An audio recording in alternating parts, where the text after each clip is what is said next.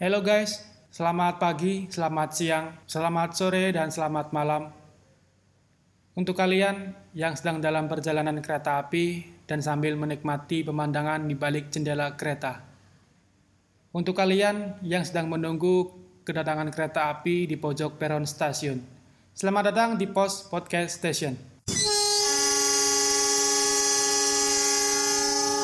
Dan masih bersama saya Wah Yudi. Gimana kabar kalian? Semoga selalu dalam perlindungan Tuhan Yang Maha Esa, selalu diberikan kesehatan. Oh ya, kalau keluar rumah tetap patuhi protokol kesehatan ya. Jangan lupa 3M, memakai masker, mencuci tangan, dan menjaga jarak. Dan yang lagi di rumah, yakin nih mau rebahan mulu.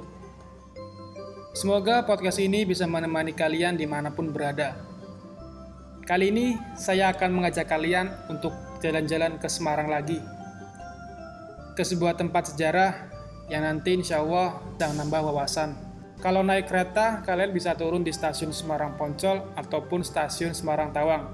Dari stasiun, kalian bisa jalan kaki atau naik transportasi lainnya. Lawang Sewu letaknya sangat strategis, dekat dengan Tugu Muda. Dan ini menjadi salah satu ikon kota Semarang.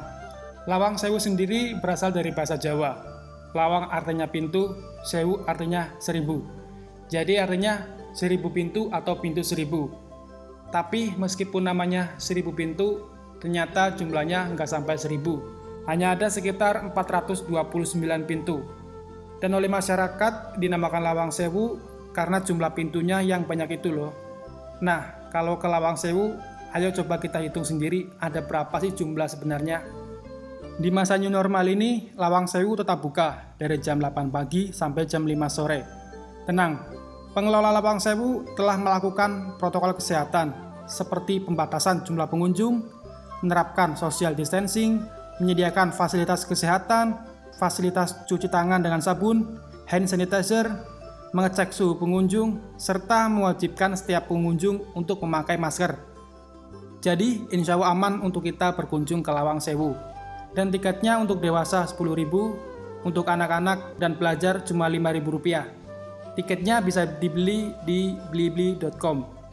Bangunan peninggalan kolonial Belanda ini awalnya terkenal angker. Apalagi sewaktu dijadikan sebagai tempat acara uji nyali oleh salah satu stasiun televisi. Tapi itu dulu. Karena Lawang Sewu kini menjelma menjadi bangunan sejarah yang begitu menawan, mempesona dengan kemegahan dan keindahannya. Berbagai upaya pemegaran Lawang Sewu terus dilakukan, sampai akhirnya pada tanggal 5 Juli 2011 secara resmi dibuka untuk masyarakat umum dan dibuka langsung oleh Ibu Ani Bambang Yudhoyono. Bangunan megah berarsitektur unik gaya Belanda ini kini tampil cantik seperti saat digunakan oleh NIS dulu. Pokoknya nggak ada tembok yang coret-coret ataupun kotor-kotor. Lawang Sewu awalnya digunakan sebagai kantor pusat perusahaan kereta api swasta Netherlands Indies Spoorweg Maskapi atau NISM. Dibangun secara bertahap di atas tanah seluas 18.232 meter persegi. Bangunan utama dimulai pada tanggal 27 Februari 1904 dan selesai pada Juli 1907. Sedangkan bangunan tambahan dibangun sekitar tahun 1916 dan selesai tahun 1918. Lawang Sewu dirancang apik oleh Profesor Jacob F. Kleinhammer dan B.J. Aundag, arsitek dari Amsterdam dengan ciri dominan berupa elemen lengkung dan sederhana.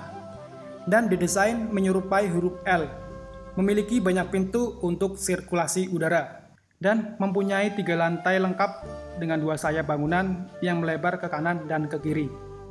Digunakan sebagai museum, Lawang Sewu menyajikan bermacam-macam koleksi dari masa ke masa tentang perkeretapian di Indonesia, seperti koleksi Alkmaar, mesin tik, mesin hitung, mesin Edmondson, replika lokomotif uap, surat berharga, dan lain-lain.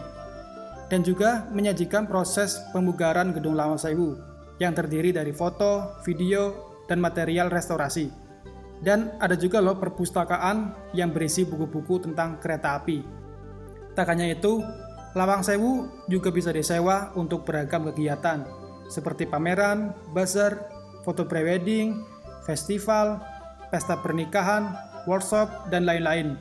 Dan di gedung B Lawang Sewu ada layanan foto booth dengan kostum Belanda, Jawa kuno, ataupun Jepang. Dengan merogoh kocek 60.000, kalian dapat menyewa satu kostum, tiga hasil foto terbaik, dan jasa fotografernya. Dan boleh saya katakan, Lawang Sewu mempunyai sudut-sudut istimewa ataupun rahasia. Yang pertama, kaca patri yang berukuran besar terletak di tangga dari gedung utama mau ke lantai dua. Ini salah satu sudut yang paling favorit. Kaca patri ini terdiri dari bagian atas, bawah, kiri, dan kanan. Pembuatnya adalah seorang seniman bernama Johannes Laurens Schotten. Pada bagian kiri didominasi dedaunan. Tandanya lukisan tersebut menggambarkan kemakmuran baik flora maupun fauna di Pulau Jawa, serta keindahan alamnya. Sementara untuk sebelah kanan menggambarkan bagaimana kota Semarang dan Batavia kala itu, yang sekarang nama Batavia itu Jakarta. Bagian tengah atas, bagian ini menunjukkan kalau kota Semarang dan Batavia merupakan pintu maritim di Pulau Jawa. Untuk diketahui, memang kedua kota tersebut pada zaman kolonial memiliki pelabuhan besar yang menjadi jalur perdagangan. Bagian tengah bawah, lukisannya menggambarkan dua wanita, yaitu Dewi Fortuna dan Dewi Venus. Dua dewi tersebut melambangkan keberuntungan yang disertai cinta dan kasih. Maksudnya, biar Belanda selalu diberkahi keberuntungan dan kejayaan selama di Nusantara. Jadi, secara keseluruhan, Kasapatri memiliki makna penting bagi Belanda, yakni dengan penggambaran secara simbolik kota-kota di Belanda, antara lain seperti Amsterdam, Rotterdam, dan Den Haag. Dewi Fortuna dan Dewi Venus tadi merupakan suatu harapan agar Belanda bisa terus jaya dalam mengeksploitasi kekayaan flora dan fauna Nusantara sampai menuju tujuannya, yaitu gold, glory, dan gospel. Yang kedua, lantai dua yang terlarang.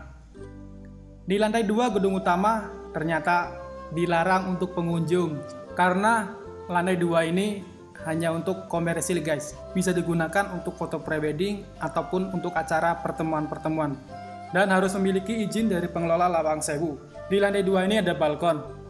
View-nya keren, langsung menghadap Tugu Muda dan pemandangan hiruk pikuk kota Semarang. Yang ketiga, naik ke lantai tiga.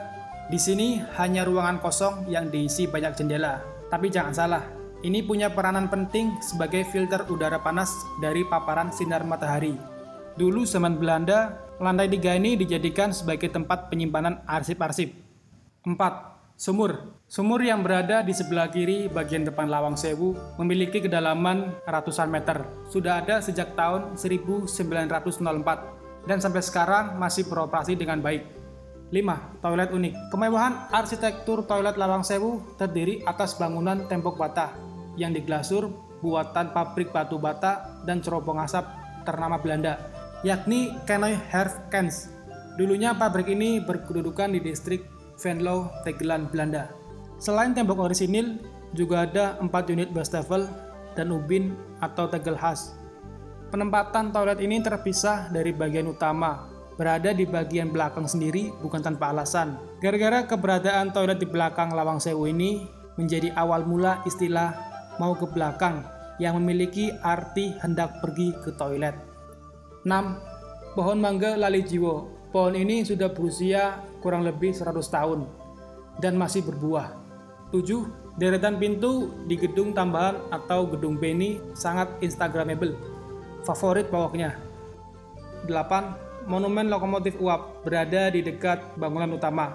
Dan yang terakhir, ini adalah salah satu yang menarik wisatawan untuk datang ke Lawang Sewu, yaitu lorong bawah tanah Lawang Sewu. Sayangnya lorong bawah tanah ini sudah ditutup sejak tahun 2014 dikarenakan sedang ada renovasi atau perawatan di lorong bawah tanah.